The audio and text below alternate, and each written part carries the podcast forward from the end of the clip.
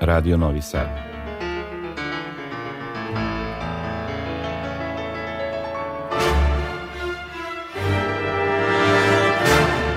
Domaća muzička scena.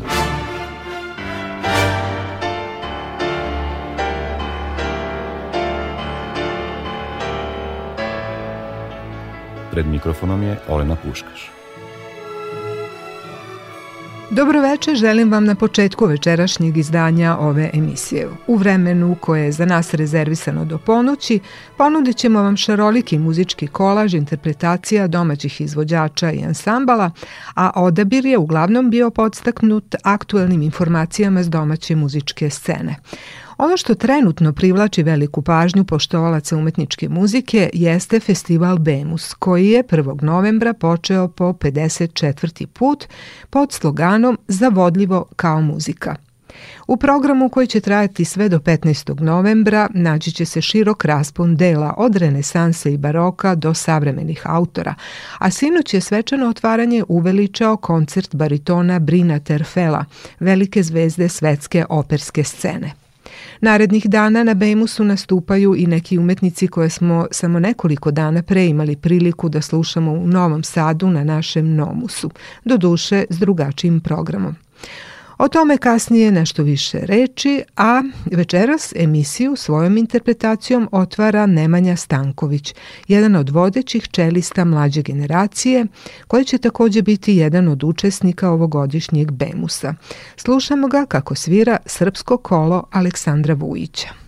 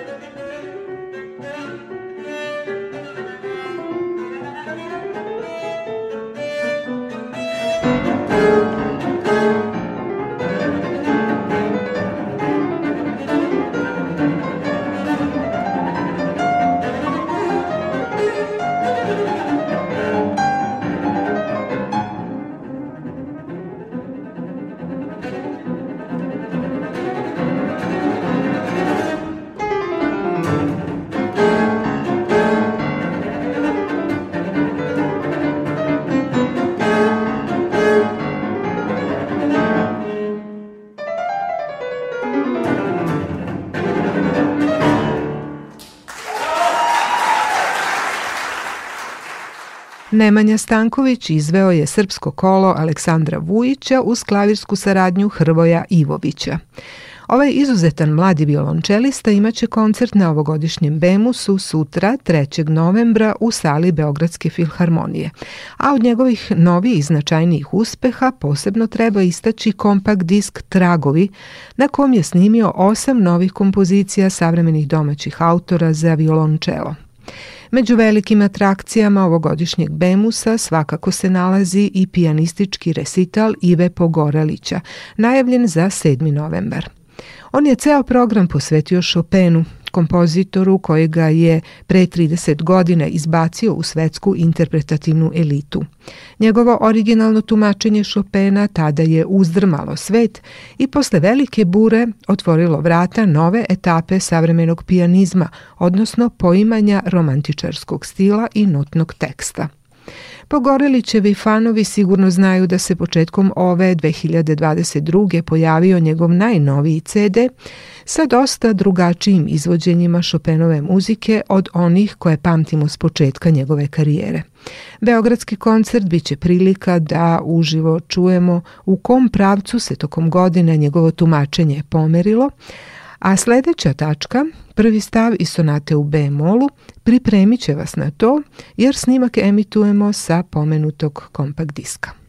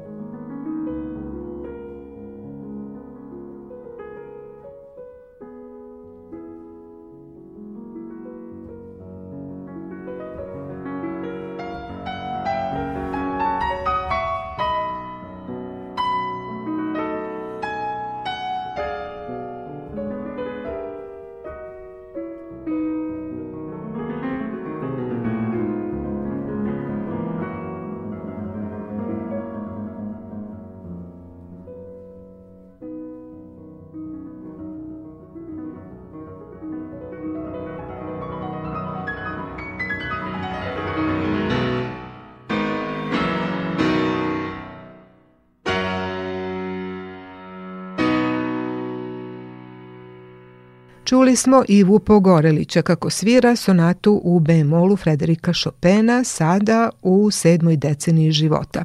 Ovo je bio snimak s njegovog najnovije kompakt diska, a da podsjetim 7. novembra sviraće Chopina uživo u sali Kolarčeve zadužbine u Beogradu.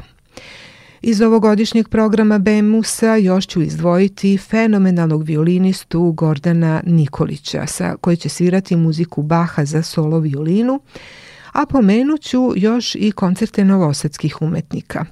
Nomus Ensemble svira 6. novembra u istom sastavu kao na Nomusu, dakle duvački kvintet s klavirom, ali sad izvode nešto drugačiji program nego ovde. Na Bemusu gostuje i Vojvođanski simfonijski orkestar pod upravom Aleksandra Markovića, a ono što ćemo mi moći sa Bemusa da slušamo u Novom Sadu jeste hor Radio Televizije Srbije, koji će u nedelju 6. novembra u sinagogi izvesti koncert za hor Alfreda Šnitkea. Preporučujem da to ne propustite jer se radi o delu koje ne možete često čuti, a naravno i o izvanrednom horu. Sada ćemo čuti taj hor i njegovog dirigenta Bojana Suđića u kompoziciji Agnus Dei Samuela Barbera.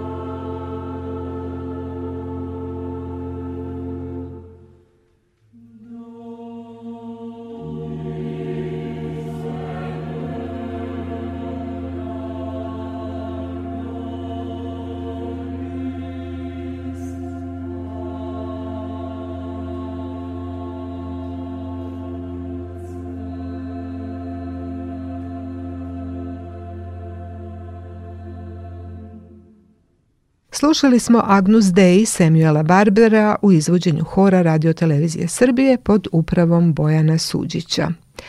U nastavku emisije Domaća muzička scena ostajemo na području horske muzike, ali sada sledi jedan novosadski, vrlo uspešan i hvaljen hor koji je u nedelju 30. oktobra proslavio 35 godina postojanja.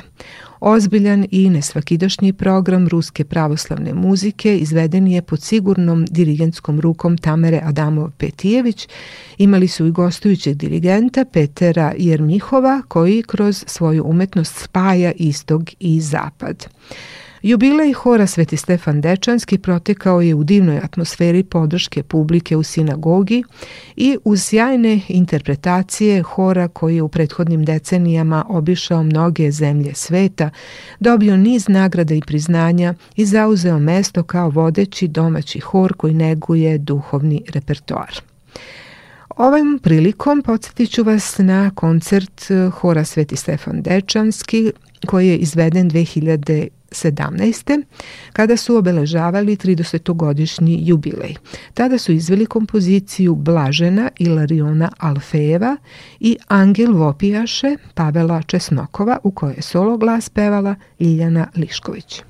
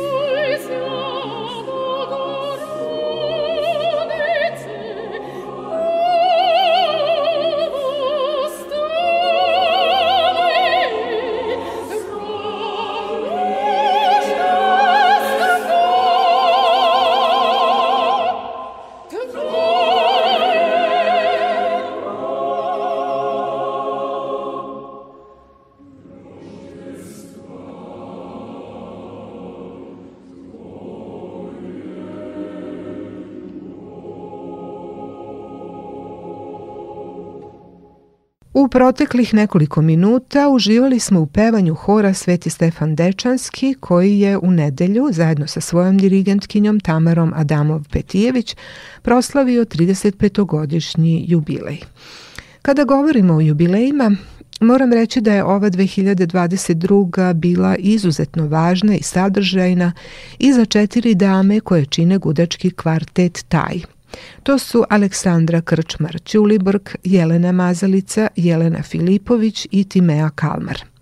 One su nizom koncerata i gostovanja u drugim gradovima obeležile svoj veliki jubilej, nastupivši s nekima od svojih kolega i saradnika. Kako je čelistkinja Timea Kalmar istakla, među njihovim posebno važnim i dragim saradnicima nalazi se Rita Kinka, pijanistkinja s kojom su više puta izvele klavirski kvintet Cezara Franka. Nas četiri, kao gudački kvartet taj, ove godine slavimo veliki jubilej, 25 godina sviramo u originalnom nepromenjenom sastavu, na što smo mi izuzetno ponosni. Mi smo pre 18 godina krenuli tu tradiciju da, da sviramo sa većim kamernim ansamblima i tada smo krenuli da sviramo klavirske kvintete. I tada naša poznata umetnica Kinka Rita je uvek bila iza nas i bodrila nas. I naša želja je bila onako pritajna, hoćemo li mi jednom moći da sviramo sa njom. I ta naša želja se odstvarila 2019. godine prvi put i ove godine više puta nastupamo sa njom i na, na, veliko, na naše veliko zadovoljstvo zato što ona je jedna čarobna umetnica i pre svega divan čovek. E, verujem da isto mišljenici se prepoznaju e, i mi imamo veoma veliku i lepu saradnju i uživamo e, u radu sa njom, a s druge strane od nje čovek jako puno može da nauči.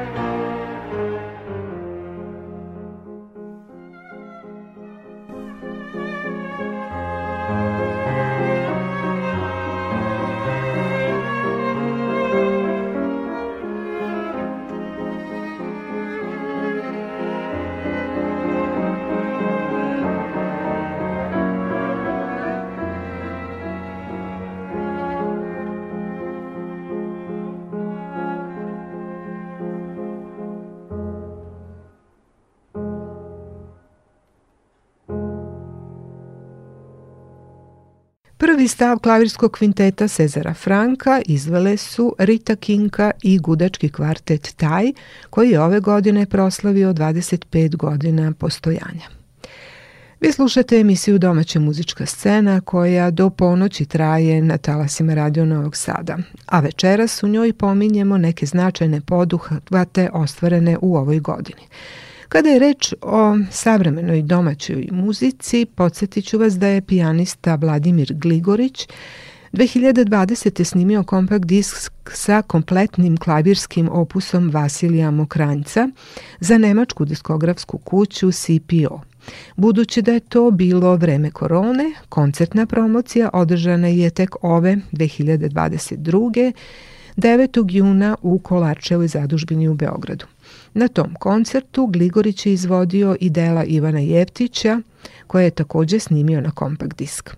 Ako još dodam da je on kao član Centra za savremenu muziku inicirao izdavanje prvog izdanja zbirke klavirske muzike u dve sveske pod nazivom Memorabilia 1 i Memorabilia 2 sa delima osam naših cenjenih kompozitora, onda to dosta govori o njegovom angažmanu oko promocije domaće savremene muzike. O tome je on više govorio u intervju posle jednog koncerta koji je održao u Novom Sadu i to ćete čuti posle tokate Ivana Jeftića u njegovom izvođenju.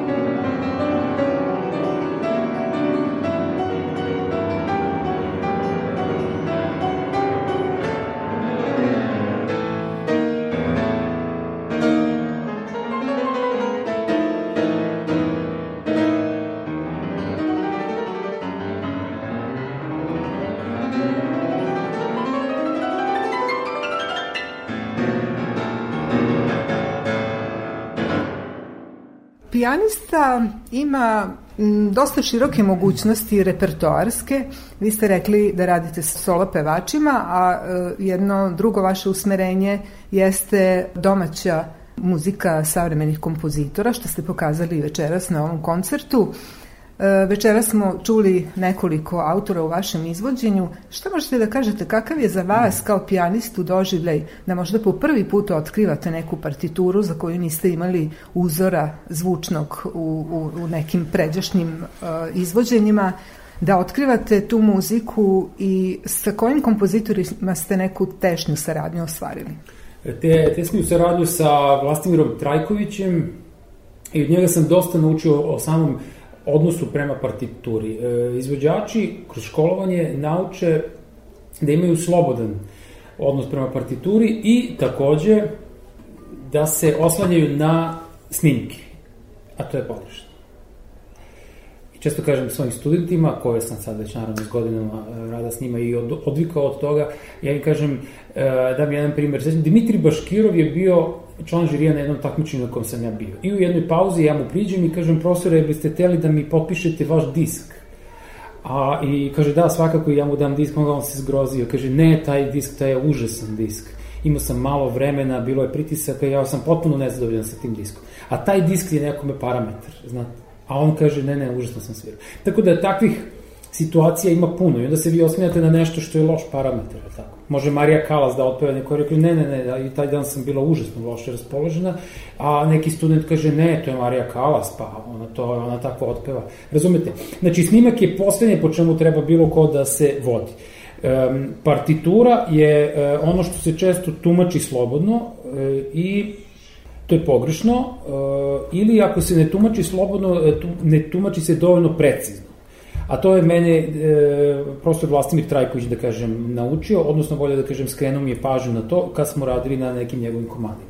Konkretno ne na zvonima koje sam večeras radio, nego na nekim njegovim drugim klavirskim komadima i tu sam dosta naučio, zato što sam to znanje onda primenio i na e, sve ostale stvari i moram da vam kažem da sam koje sam svirao, jel?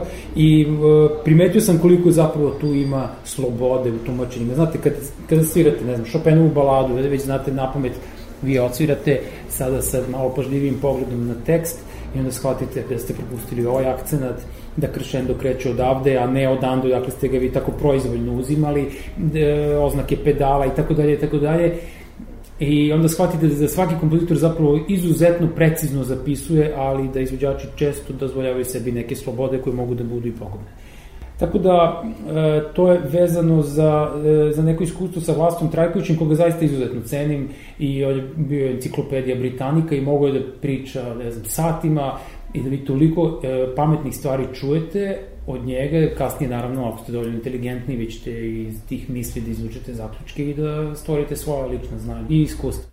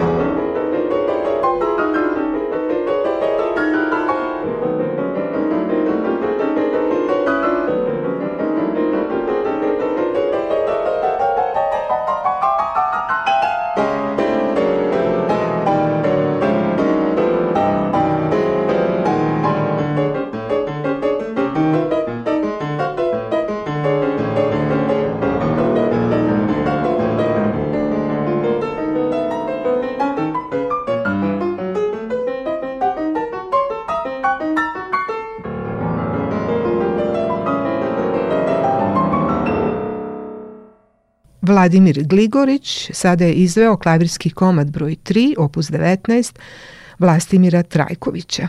U nastavku Gligorić govori o razlozima zbog kojih kao pijanista veliku pažnju poklanja domaćoj muzici. E, zašto radim na domaće kompozitore? Zato što država stimuliše izvođenje domaće muzike. Država nema nikakav sistem za koncerte koji, u kojem, kako biste imali program sa recimo klasičnim delima. Dakle, ja ako odlučim da pravim koncert sa delima Beethovena, ja to mogu da izvedem, ali naravno e, od toga ne mogu da živim, je tako?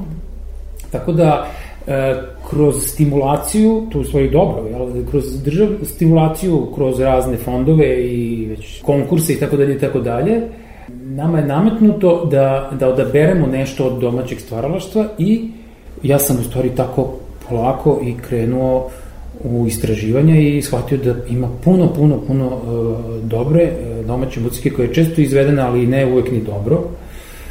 Uh, nekad i dobro, naravno. Tako da, sad ne bih teo da ispadne da, da se, da se da samo novac, ali vi ne možete da provodite sate i sate u radu na nečemu, š, mislim, što kako da kažem, da radite iz, iz, samo iz ljubavi, da me razumete šta hoću da kažem. Tako da je to vrlo, u stvari, inteligentno urađeno. Ako tražite od Sokoja, od ministarstva, od e, raznih fondova, oni vas pitaju, a gde su tu naši kompozitori? Ne možemo mi sponzorisati austrijske kompozitore, to nema smisla. Pa to je normalno. To je potpuno normalna stvar, tako da je to u stvari, odatle je nekako i krenulo, mada moram da kažem, prvo je krenulo od Vlaste Trajkovića, jer moja saradnja sa njim je bila prva, a onda sam kasnije otkrivao i druge kompozitore, jer znate, i u školama nas pogrešno uče da su naši kompozitori loši, da je ta muzika bezvezna, da oni pripadaju tamo nekom getu, znate, u odnosu na, ne znam, druge kompozitore, dakle, svi ostali kompozitori i naši kompozitori. To je potpuno pogrešno i to je potpuno pogubno i ja sam to mišljenje izbrisao i stavio ovo novo u svoju glavu i meni su sada naši kompozitori a, podjednako važni, ako ne čak i važniji od ovih e, stvaralaca iz e, drugih zemalja.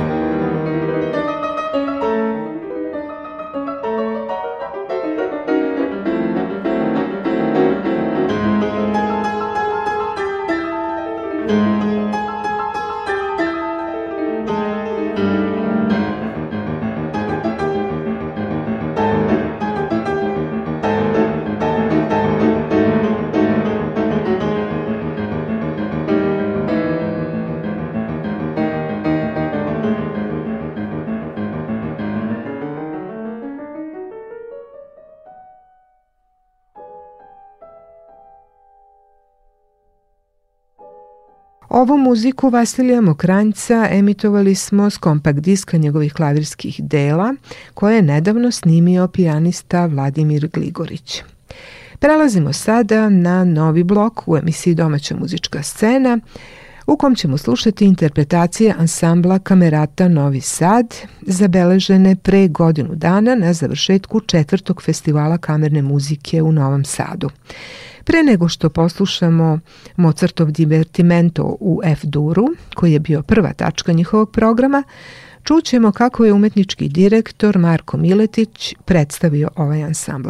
Kamerata Novi Sad je zapravo ansambl Kamerata Akademika koji postoji već 32 godine i koji je davne, već 88. godine započeo profesor Ištan Varga, koji smo mi reosnovali 2008. godine, ali posle bombardovanja nažalost nije postojao 10 godina i ove godine imamo tu sreću da smo kao ansambl prepoznati od strane gradonačelnika Gradske uprave za kulturu kao jedan ansambl koji treba da bude gradski i kao takav smo izbacili taj, taj tu reč akademika jer je sad to nešto šire e, iako je apsolutno isti sastav i on e, u svom sastavu ima e, najbolje studente, profesore, docente, asistente sa Akademije umetnosti kako je to bila i originalna ideja. Tako da ovo je zapravo jedan nastavak te 30-godišnje tradicije, ali ovoga puta kao deo programa kulturnog centra, muzičkog centra, kulturnog centra i ja se nadam da, će, da ta tradicija nikad neće ne se prekine, da ćemo još dugo godina da radimo i da će nove generacije da nas zamene u tome i da će biti sve uspešnije.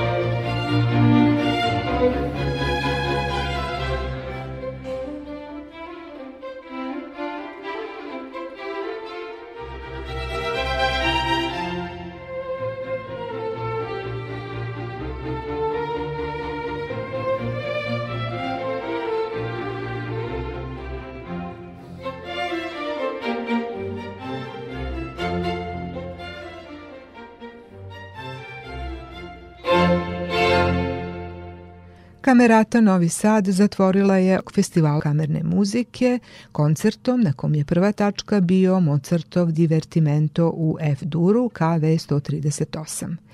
Iako je bilo predviđeno da te večeri kao dirigent nastupi Gianluca Marciano, on je iz zdravstvenih razloga bio sprečen, pa je na koncert majstora Roberta Lakatoša pao i taj deo posla. Da čujemo šta je on rekao o tome šta je uloga koncert majstora. Smatram da je dobar koncert majstor onaj koji prvo poštoje kolege, e, sa kojima napravi jako lep i kvalitetan profesionalni odnos. I to je, to je osoba jednostavno koja mora da bude pripremljena ne samo da zna svoju deonicu, već da zna deonice celog ansambla, kao i da planira i organizuje probe i kompletan rad. Tako da na neki način, s obzirom da, evo, kao i večera, sviramo bez dirigenta, taj posao nekako pripao meni i samim tim ja sam taj koji organizuje probe, koji, koji na neki način i diriguje dok svira i izrađuje sa ansamblom, ali opet ovaj, u pitanju jako puno ljudi, tako da je i dalje poenta bez obzira kao vođa da se prilagodim grupi i da zajedno sviram sa, sa svojim dragim kolegama, a ne da budem neko ko se zaista ističe sam po sebi. Smatra se da je kamerni orkestar jedan od vrhunaca kamernog muziciranja za e, gudače. Šta znači dobar kamerni orkestar? Šta treba da ima? Pa, dobar kamerni orkestar treba da ima kontinuitet. Jednostavno da se konstantno svira i da se konstantno radi i proba i jednostavno kao i kao i u svemu potrebne vežba, konstantno viđanje ljudi, jednostavno da upoznate način na koji svako individualno diše i, i prosto vremenom se stvori taj možda neki, ajde da kažemo, zajednički zvuk, intonacija, upravo te neke stvari koje su onako problematične, vremenom te stvari postaju jednostavno kao i disanje sastavni deo i onda nekako sve to već lakše ide. Ja mislim da upravo ovaj naš ansambl ide ka tom putu, vrlo često i, i nastupamo i to je već urodilo plodom.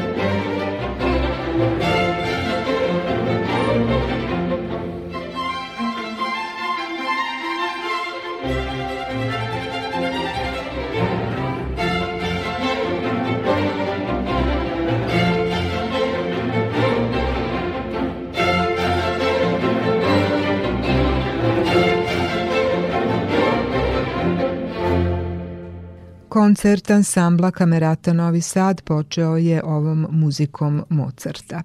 A pre nego što pređemo na drugu tačku, Vivaldijev koncert u Hamolu za četiri violine i gudače, poslušat ćemo još jedan deo razgovora s Markom Miletićem, čelistom i umetničkim direktorom ansambla. Zašto je važno da mladi gudači odrastaju i stasavaju u jednom takvom ansamblu, koje osobine izvođačke se tu bruse i e, šta oni mogu dobiti e, svirajući u takvom jednom ansamblu?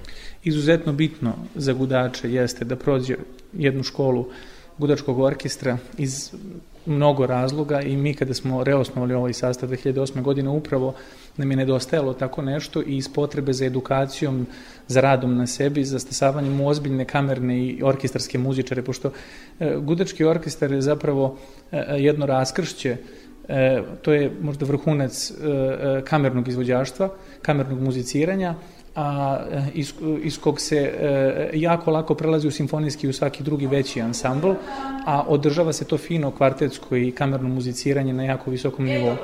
Jako je bitno Uh, jako je bitno da u toku celog školovanja jedan gudač ima iskustvo i kamernog muziciranja i orkestarskog muziciranja, a ovo, kao što sam rekao, je negde u sredini jer zadržava tu finoću kamernog muziciranja, a priprema čoveka na najbolji način da se sutra u simfonijskom orkestru takođe osjeća kao da svira kamernu muziku i da da najbolje od sebe.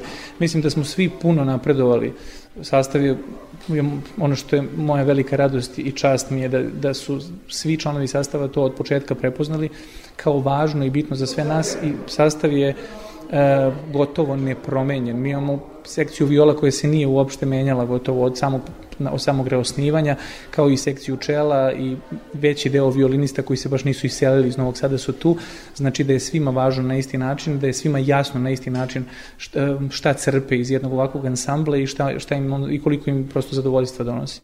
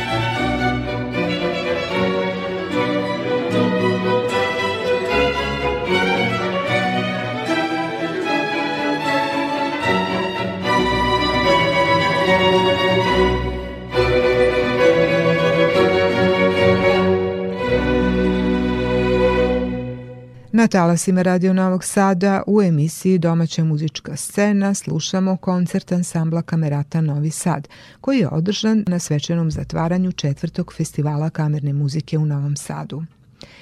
Koncert majstor je bio Robert Lakatoš, koji je malo čas bio i jedan od četvoro solista, a u nastavku slušamo deo razgovora s njim. Vi ste više puta nastupali u raznim kamernim varijantama, kako duo, tako i trio. Spomenite neke od tih kamernih saradnji e, koja je vama bila najdraža i najdragocenija. Pa, znate kako, bilo koji vid kamerne muzike za mene dragocen. Klavirski trio, gudečki kvartet, kvinteti, seksteti, to je jednostavno jedan uh, period života i u koj, za koji sam ja ponosan, sam mnogo odrastao kao muzičar, svirajući sa uh, bitnim ljudima od kojih sam imao puno da naučim. Kroz kamernu muziku sam imao prilike da puno naučim i samim tim je to nešto što zaista onako vodim račun da negujem i da često sviram i sa prijateljima i u različitim sastavima, ali to opet, kao što sam vam rekao, čini me kao muzičarnim kompletnijim. Od pre nekoliko godina radite i kao pedagog na Akademiji umetnosti u Novom Sadu sa mladim talentovanim gudačima. E, neki od njih možda i sviraju ovde u orkestru. Šta možete reći o tome kakvi su sada mladi gudači na, na Akademiji umetnosti, da li su ambiciozni, kako radite s njima? Pa ja sam ponosan da imam zaista fantastičnu klasu. Imao sam prilike zaista da eto, selektujem uh, sjajne talente i da se njima posvetim na uh, zaista jedan uh, poseban način u smislu studioznog rada, u smislu uh, to jednostavno nije samo jedan i jedan u smislu rada i vežbanja, to je generalno generalno priča o tome kako se šta radi u životu što se muzičara u smislu karijere, kako se upoznaju ljudi, kako se na koji način se komunicira s njom, na koji način se svira zajedno sa ljudima, kao što ste rekli, ovde su u orkestru i za njih je to dragoceno iskustvo i mnogo uče, ne samo kroz čas violine, već i kroz eto, ovakvu dragocenu priliku za njih. Pedagogija je vrlo važan isto segment mog života, to je nešto što mnogo volim da radim i eto, srećan sam da, iako sam i ja mlada osoba, imao sam priliku da radim sa puno bitnih ljudi od kojih sam puno i naučio, pa da mogu da prenesem to i na danas svoje studente. Još možda nešto da kažete o večerašnjem programu koji je onako e, klasičan, rekla bih, i za, za kamerni ansambl. Kako ste birali dela? Pa zajedno sa kolegom Markom Miletićem smo jednostavno formirali uh, program tako da budemo u okviru klasicizma i uh, Mozart, Divertimento, koji je jako prijetan za nas, ovako kao ansambl u smislu samog rada, mislim da će publika da uživa. Imamo barokno delo uh, Vivaldija koje je izvan svojih vremena, tako da je to deo, delo programa koji uvek ljudi vole da čuju, pogotovo za četiri violine, vrlo virtuozno i efektno. I eto jedno interesantno delo, kao što je Beethoven gudečki kvartet C-mol, koji se inače svira u sastavu kvarteta, ali mi smo se potrudili večeras da to predstavimo i u kamernom orkestru, što nije često, ali e, mislim da, je, da su izazovi dobra stvar, pa se nadam da će večeras da publika uživa na, koji, na način koji mi uživamo radići ovo delo.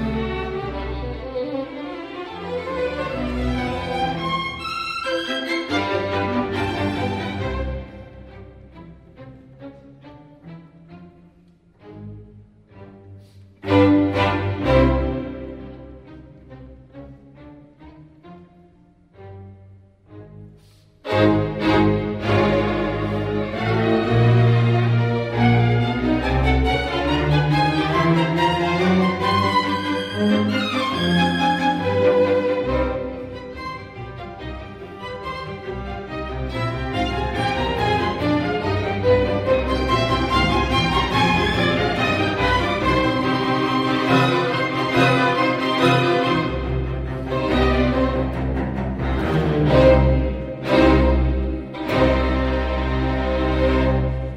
Kamerata Novi Sad večeras u emisiji Domaća muzička scena svira gudački kvartet u C-molu u transkripciji za gudački orkestar. Na redu je još jedan segment razgovora s umetničkim direktorom i čelistom Markom Miletićem.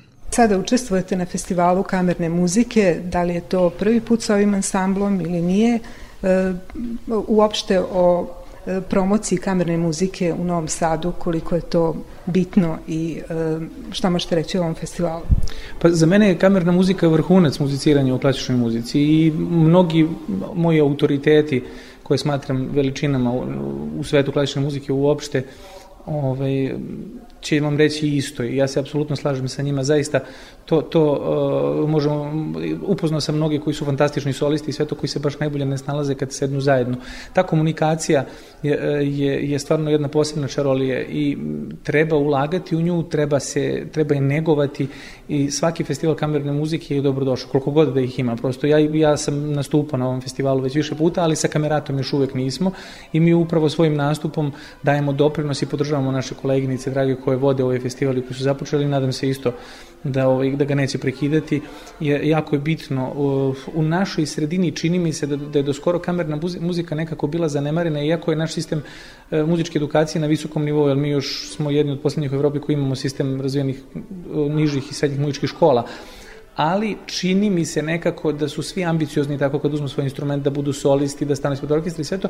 I mislim da je jako bitno da se da, da od malih nogu mi već upućujemo decu na kamernu muziku i da im pokazujemo koje, koliko je važna, da im otkrivamo te lepote i te čarolije i sve to, ja mislim da bi, da bi se mnogi mnogo pre i radije odlučili za kamernu muziku i pre bi im to bio neki ideal sutra bavljanje muzikom uopšte, nego solo svirka ukoliko bi na vreme bili upućeni i ukoliko bi na vreme shvatili koliko je to u svakom smislu a, a, a, lepše i ispunjava više čoveka. Pre svega zato što imate kolege, niste sami, e, ukoliko imamo kvartet neki koji funkcioniše zajedno godinama, oni najbolje mogu da, da im kažu kakva je to vrsta odnosa među ljudima, znači to je prosto jedan porodični odnos, koji se gaji i ja mislim da u društvu takvom jednom gde se ljudi tako povežu i sve to sve je lakše. I turneje i putovanja i sve sa tog aspekta, a sa drugog aspekta ove, ta magija koja ne zavisi samo od tebe nego koja apsolutno zavisi od međusobne komunikacije nešto što sam čovek ne može sebi da priušti. Tako da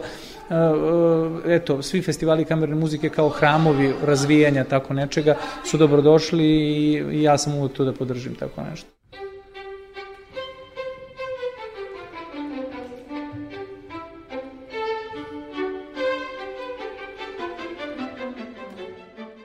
Muzika Beethovenovog gudačkog kvarteta u C-molu u aranžmanu za kamerni orkestar sada izvodi ansambl Kamerata Novi Sad i to će biti muzika kojom ćemo se za večeras oprostiti od vas.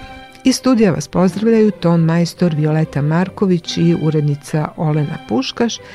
Mi vam želimo prijatno veče, a ukoliko ste raspoloženi, ostanite i dalje uz noćni program Radio Novog Sada koji sledi posle ponoći Alakunot.